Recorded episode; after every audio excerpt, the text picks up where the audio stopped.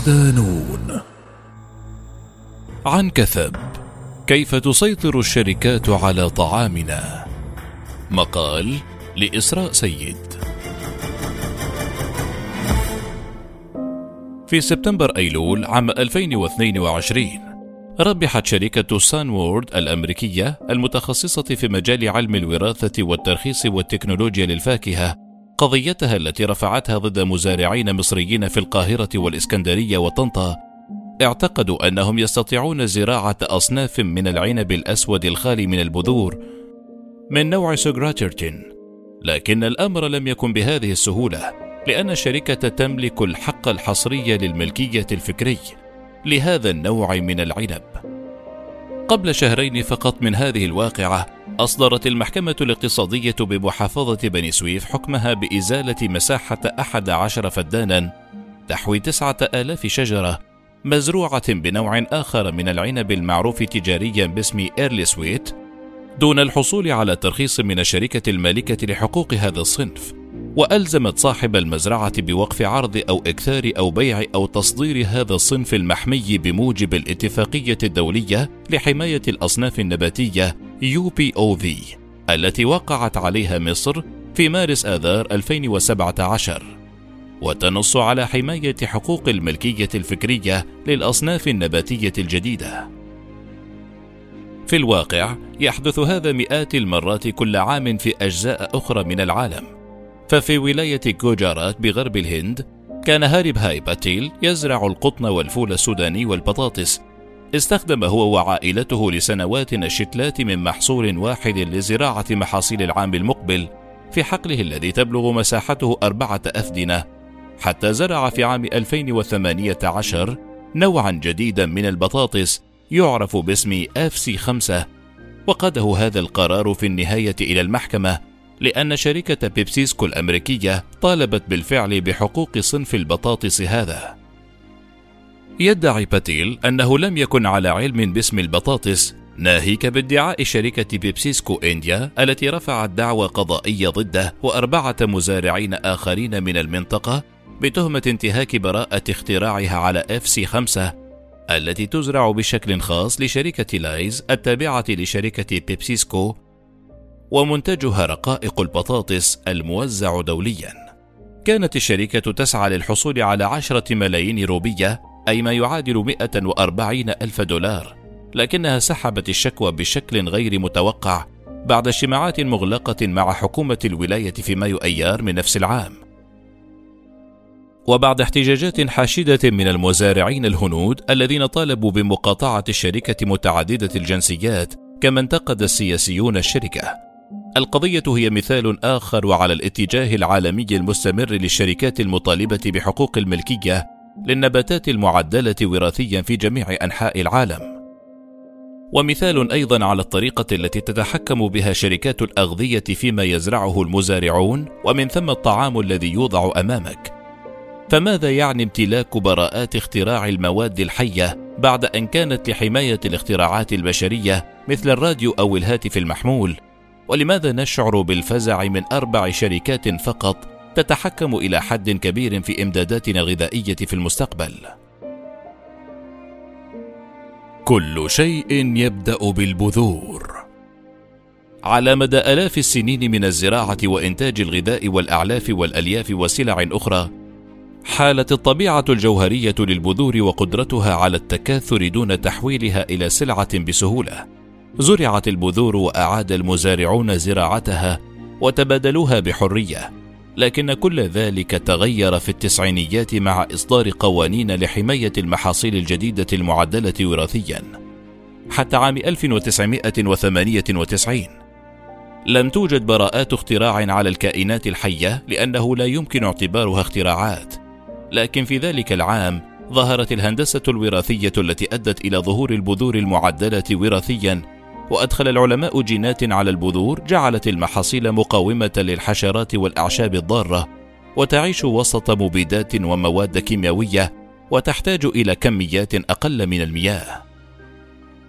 غالبا ما تطبق براءات الاختراع على نباتات ذات سمات خاصة مثل مقاومة الأمراض أو مقاومة تأثيرات تغير المناخ كانت هناك أيضا أمثلة لشركات مثل مونسانتو التي استحوذت عليها شركة باير الألمانية تقوم بتطوير نباتات مقاومة لمبيدات الآفات التي يبيعونها وبسبب كل هذه الخصائص لا تستطيع البذور العادية منافسة المعدلة وراثيا جينيا وتصبح تكلفة حمايتها من الحشرات أعلى بكثير.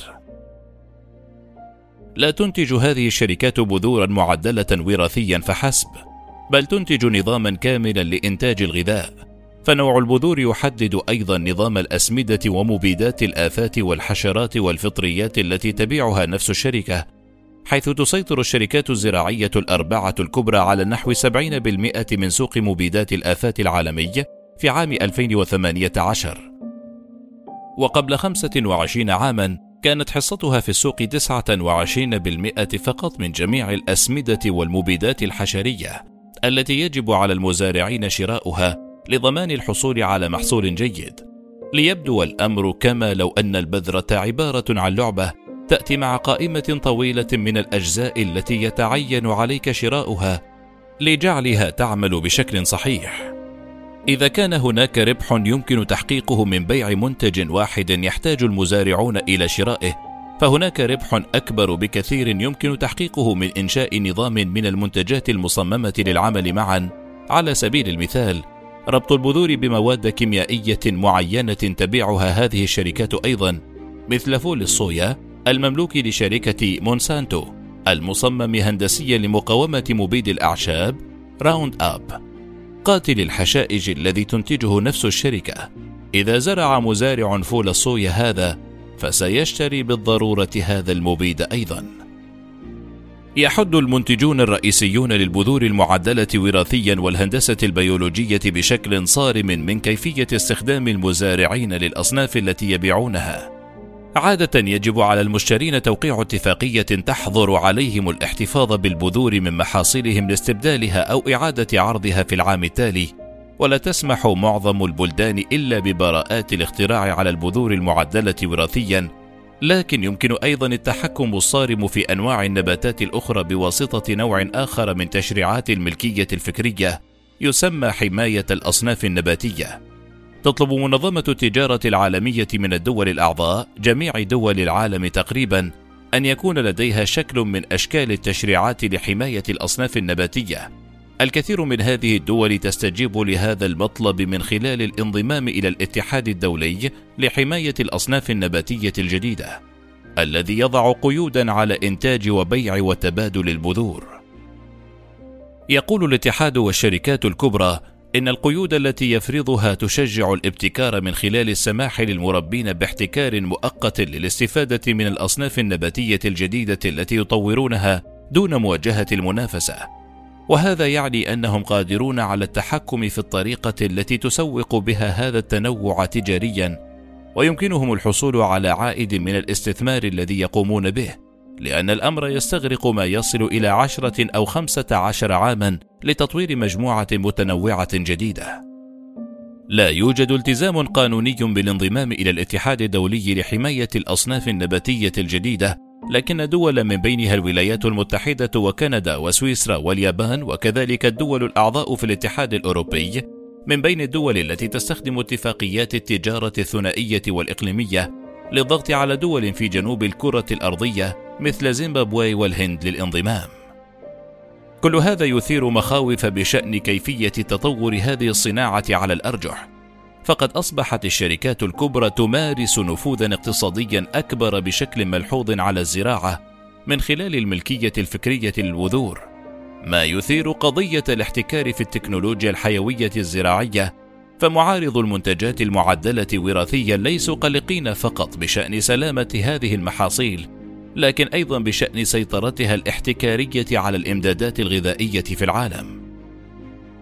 يقدر حجم السوق العالمي للمحاصيل المعدلة وراثيا ب 22 مليار دولار فاصلة 29 عام 2023 مقارنة ب 21 مليار دولار فاصلة 08 في عام 2022 بمعدل نمو سنوي مركب يبلغ 5.8% ومن المتوقع أن ينمو حجم السوق العالمي إلى 28 مليار دولار فاصل صفر ثلاثة في عام 2027 بمعدل نمو سنوي مركب يبلغ 5.9% ووفقا لوكالة أبحاث السوق Mordor Intelligence ومقرها الهند ستصل الإيرادات في قطاع البذور إلى 90 مليار دولار بحلول عام 2024 مقارنة بنحو 60 مليار دولار في عام 2018 وأكثر من 50% من حصة السوق العالمية في أيدي شركة الكيميائيات الأمريكية دوبونت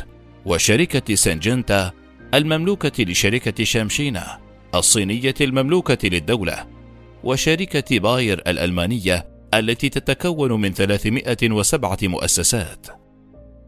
تثير هذه السيطرة المبالغ فيها انتقادات نشطاء مناهضين للأطعمة المعدلة وراثيا الذين يعبرون عن قلقهم أيضا بشأن التأثيرات على تنوع طعامنا على سبيل المثال قاومت الهند وهي موطن لمئات من أنواع برينجال وهي كلمة هندية للباذنجان منذ فترة طويلة الباذنجان المعدل وراثيا لشركة مونسانتو خشية أن يتفوق على الأصناف المحلية ما يؤدي إلى افتقار النظام الغذائي والأطباق التي اعتاد الهنود تناولها.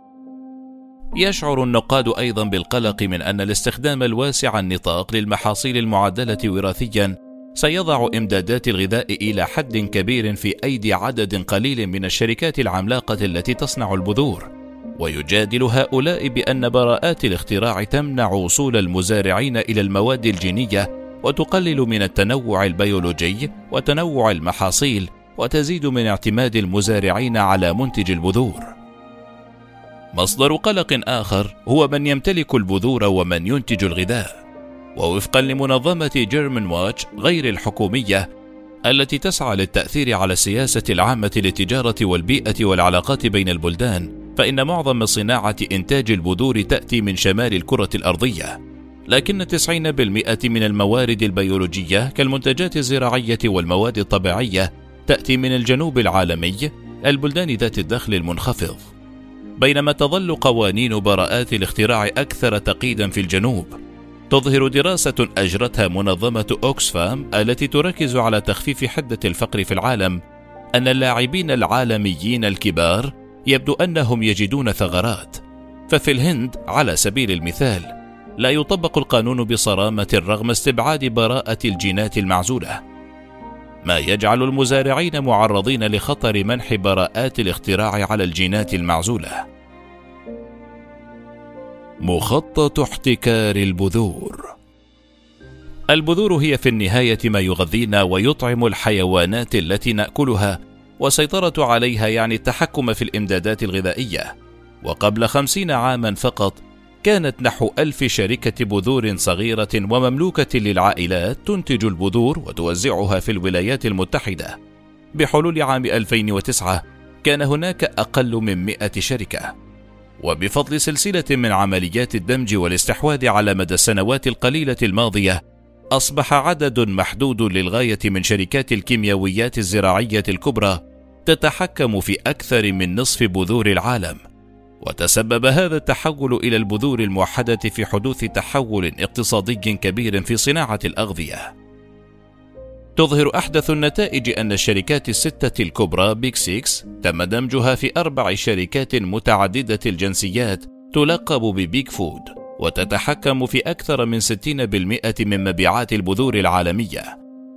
عندما نشر فيليب هوارد من جامعة ميشيغان الأمريكية مخطط توحيد صناعة البذور عام 2008 أوضح مدى عمليات الاستحواذ والاندماج في العقد السابق حيث سيطرت ست شركات على غالبية سوق البذور ذات العلامات التجارية وبدأوا في الدخول في تحالفات جديدة مع المنافسين ما هدد بمزيد من إضعاف المنافسة. مخطط البذور الذي حدثه هوارد عام 2018 مشابه لمخططه المنشور منذ سنوات لكنه يوضح كيف أن ضعف إنفاذ قوانين مكافحة الاحتكار التي تهدف إلى تعزيز المنافسة ومنع ما يسميه البعض استعمارا زراعيا مقنع والإشراف من وزارة العدل الأمريكية سمح لعدد قليل من الشركات بسيطرة قوة سوقية واقتصادية وسياسية هائلة على إمدادنا العالمي بالبذور. بدأ هوار تتبعه السنوي لتغييرات ملكية صناعة البذور في عام 1998 وهو العام الذي كان بمثابة نقطة تحول في مجال الهندسة الوراثية. وبعد عامين من إدخال الأصناف المعدلة وراثيا قامت شركات الأعمال الزراعية الكبرى بتسريع دمجها عن طريق شراء شركات أصغر لتجميع المزيد من حقوق الملكية الفكرية.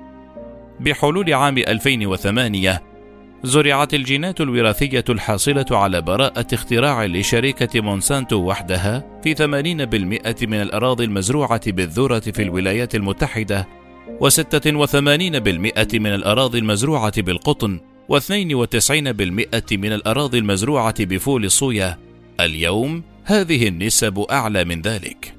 تظهر أحدث النتائج أن الشركات الستة الكبرى Big Six تم دمجها في أربع شركات متعددة الجنسيات تلقب ب Big Four وتتحكم في أكثر من 60% من مبيعات البذور العالمية. وتشمل عمليات الاندماج العملاقة الأكثر شهرة في مخطط هوارد المحدث ما يلي. شركة داو للكيميائيات وشركة دوبونت الكيميائية نتج عن هذا الاندماج الذي تبلغ قيمته 130 مليار دولار تقسيم شركتين للمواد الكيميائية إلى ثلاث شركات اعتبارا من الحادي والثلاثين من أغسطس آب 2017 بما في ذلك شركة زراعية كبرى للكيميائيات والبذور تسمى كورتيفا. الشركة الكيميائية الوطنية الصينية المعروفة باسم كيم تشاينا وشركة سنجنتا للبذور والمبيدات الحشرية سمح هذا الاندماج الذي تبلغ قيمته 43 مليار دولار للصين بإضافة تصنيف شركتها في المرتبة الثانية ضمن أفضل عشر شركات عالمية في مبيعات البذور جنبا إلى جنب مع شركة يوان لونج بنج العاملة في مجال البحث والإنتاج وبيع البذور.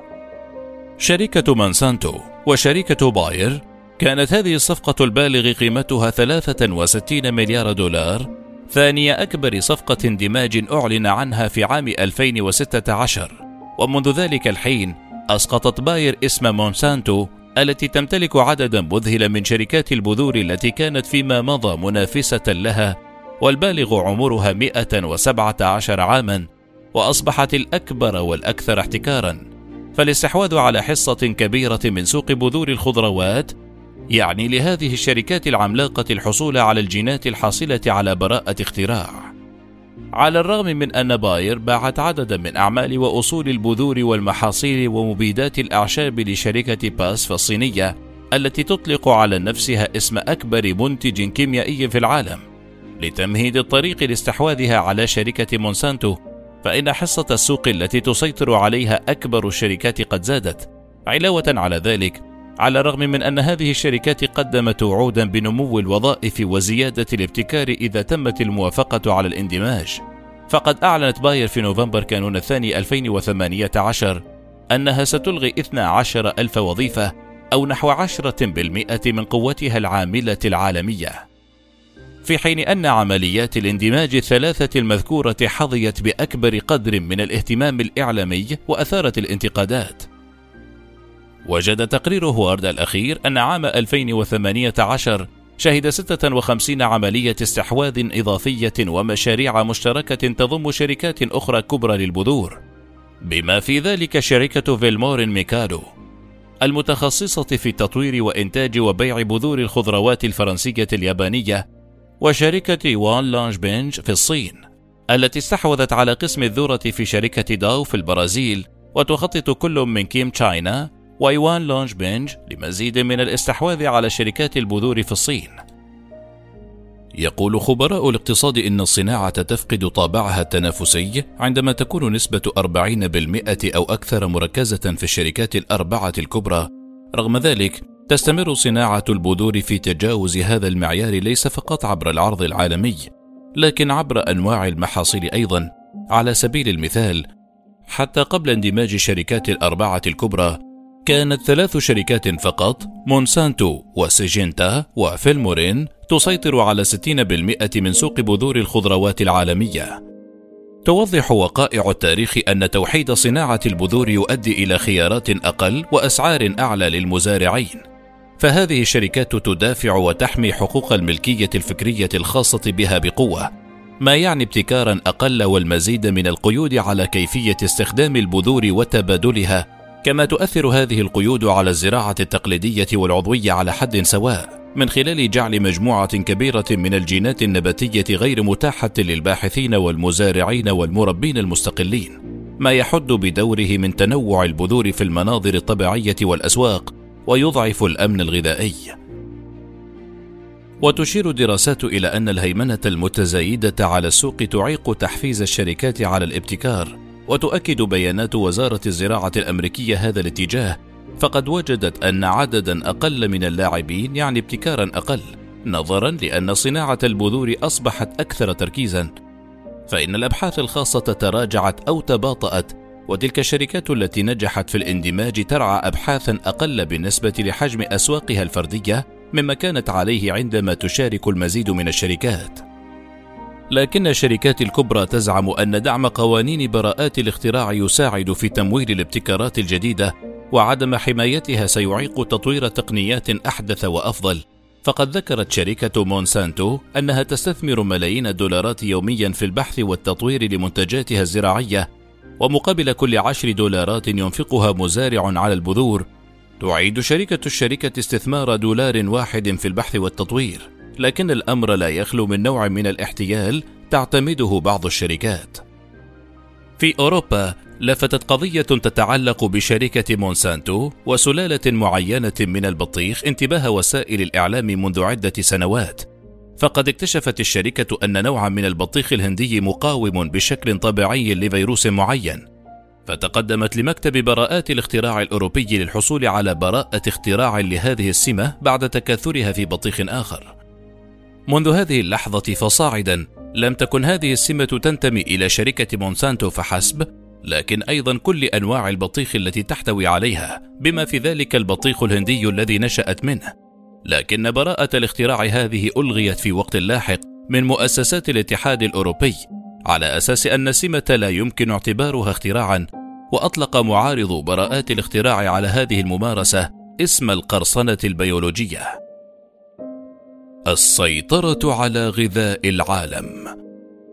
على مدى العقود القليلة الماضية زاد عدد براءات الاختراع على النباتات بشكل كبير في أجزاء مختلفة من العالم، لكن معظم الأبحاث ركزت حصريا على البلدان المتقدمة، الولايات المتحدة الأمريكية والاتحاد الأوروبي على وجه الخصوص، بينما لا يعرف الكثير عن مدى تسجيل براءات اختراع للنباتات في أجزاء أخرى من العالم.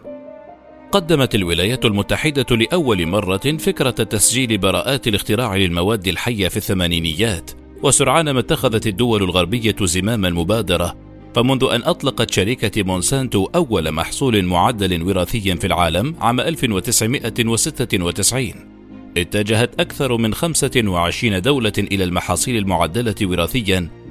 بما في ذلك فول الصويا والذرة والطماطم والكوسة والبابايا وبنجر السكر.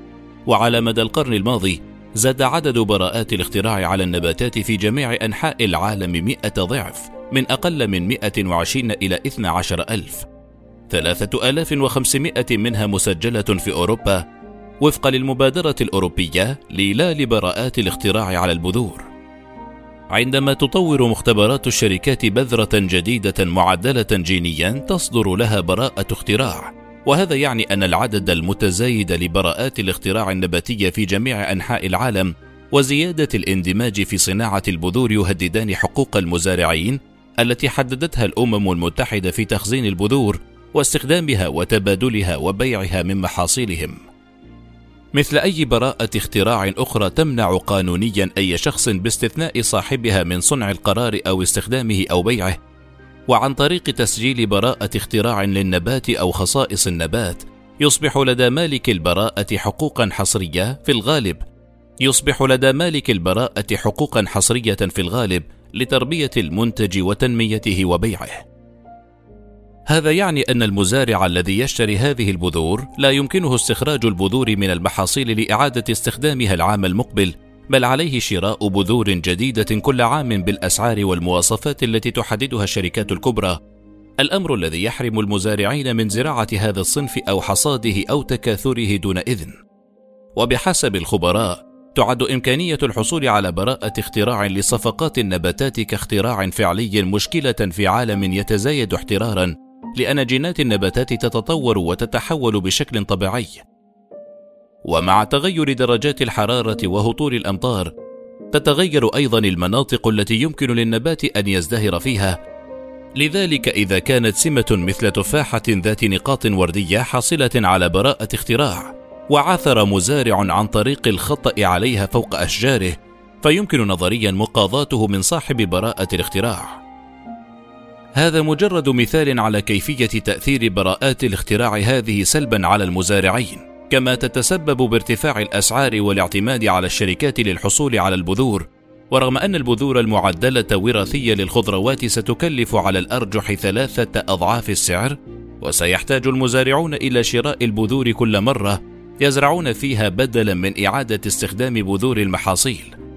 يقول المؤيدون إن النفقات الإضافية سيتم تعويضها عن طريق انخفاض تكاليف المبيدات الحشرية وتقليل خسائر المحاصيل المدمرة.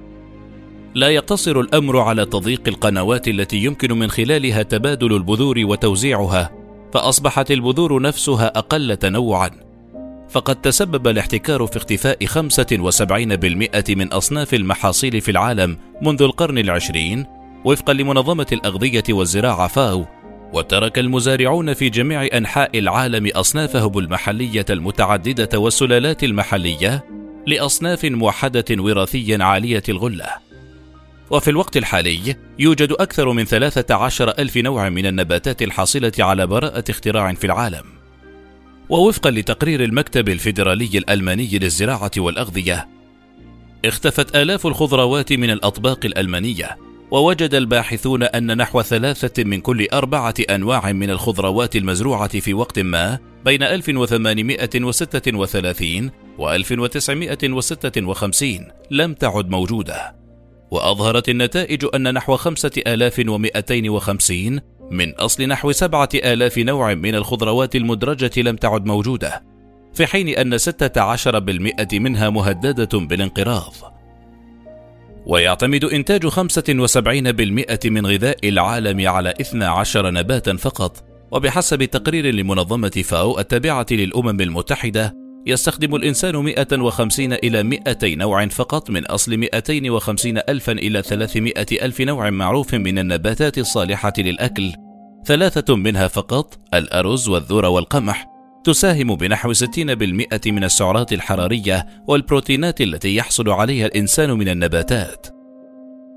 تبدو هنا مسألة من ينتج أصنافا نباتية جديدة أمرا بالغ الأهمية لمستقبلنا جميعا، ومن خلال البذور الحاصلة على براءة اختراع تسيطر الشركات الكبرى نفسها على طعامنا بشكل متزايد، لأنها في النهاية تقرر ما الذي يزرع في الحقول في المستقبل، وبالنسبة للأشخاص الذين يشترون مواد البقالة من المحزن أن يدركوا أن العشرات من العلامات التجارية في متجر البقالة مملوكة في الغالب لعدد قليل من الشركات الأم.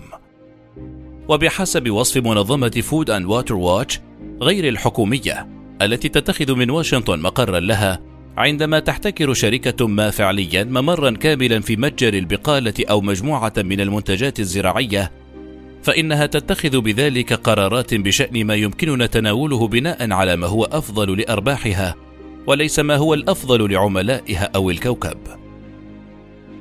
خدعة المحاصيل المعدلة وراثيًا إذا كنت تفحص ملصقات الأطعمة للتحقق مما إذا كنت على وشك شراء منتجات تحتوي على أطعمة معدلة وراثيًا فأنت تضيع وقتك.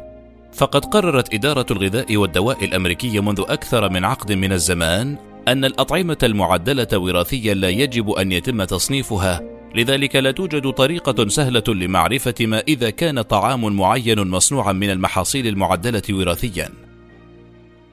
كذلك إذا كنت تعتقد أن عربة التسوق الخاصة بك خالية من الأطعمة المعدلة وراثيا، فعليك التفكير مرة أخرى، فوفقا لشركة ويب أم دي الأمريكية، يعتقد 26% فقط من الأمريكيين أنهم تناولوا أطعمة معدلة وراثيا والواقع أن ما يصل إلى 70% من الطعام في متجر البقالة يحتوي على بعض المواد المعدلة وراثيا.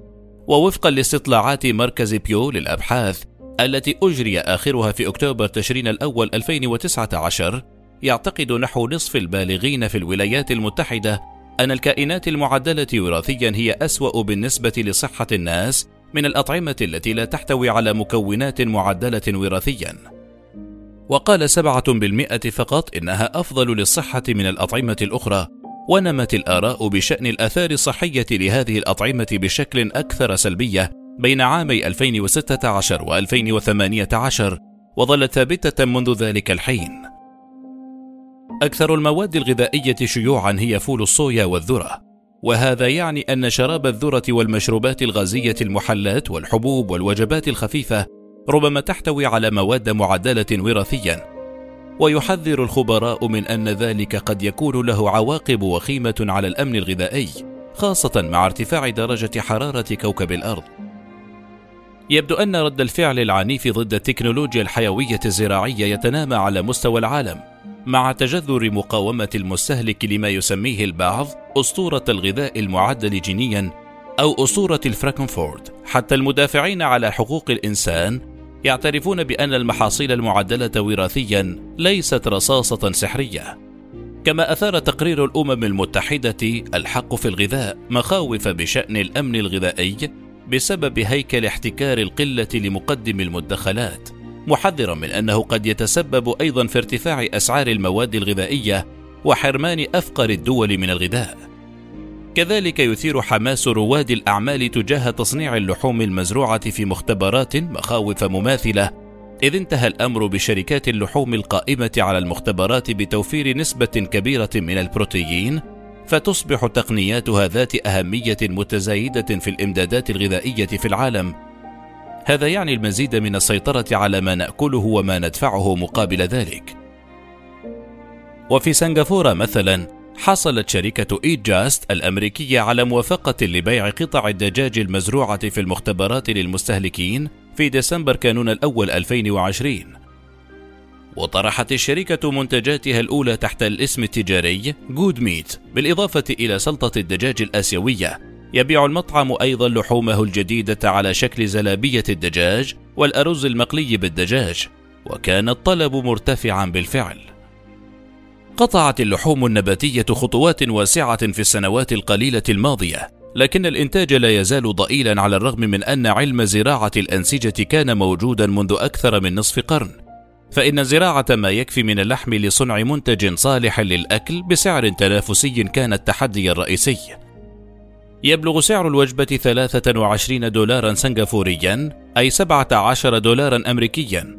بالتأكيد ليست رخيصة، لكن على المدى الطويل ربما تفوق الفوائد الأخلاقية والبيئية التكاليف الاجتماعية للحوم المختبر.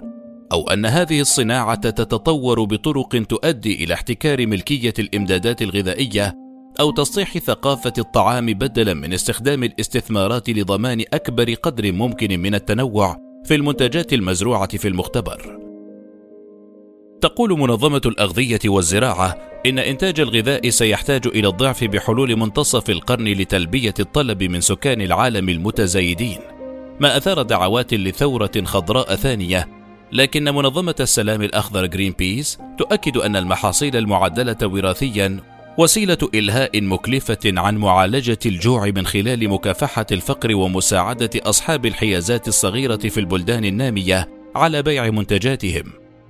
ربما تكون قد سمعت أو قرأت أن العالم بحاجة إلى أطعمة معدلة وراثية لتحقيق الاكتفاء الذاتي.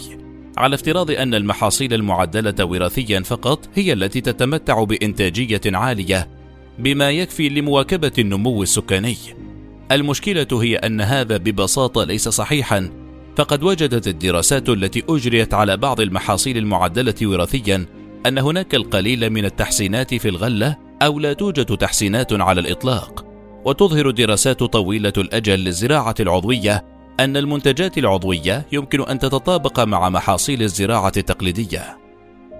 في حالات أخرى تدعي شركات التكنولوجيا الحيوية أن المحاصيل المعدلة وراثية لديها فوائد غذائية أو ستحل بعض الأزمات المعلقة الأخرى على سبيل المثال الأرز الذهبي الذي من المفترض أن يعالج نقص فيتامين A في العالم النامي لكن لسوء الحظ لا يحدث ذلك لأن الجسم لا يمكنه امتصاص البيتا كاروتين وهو مركب عضوي الموجود في الأرز الذهبي ما لم يدمج مع بعض الدهون والزيوت وهو أمر غير مفيد للأشخاص الذين يعيشون في فقر مع نظام غذائي محدود.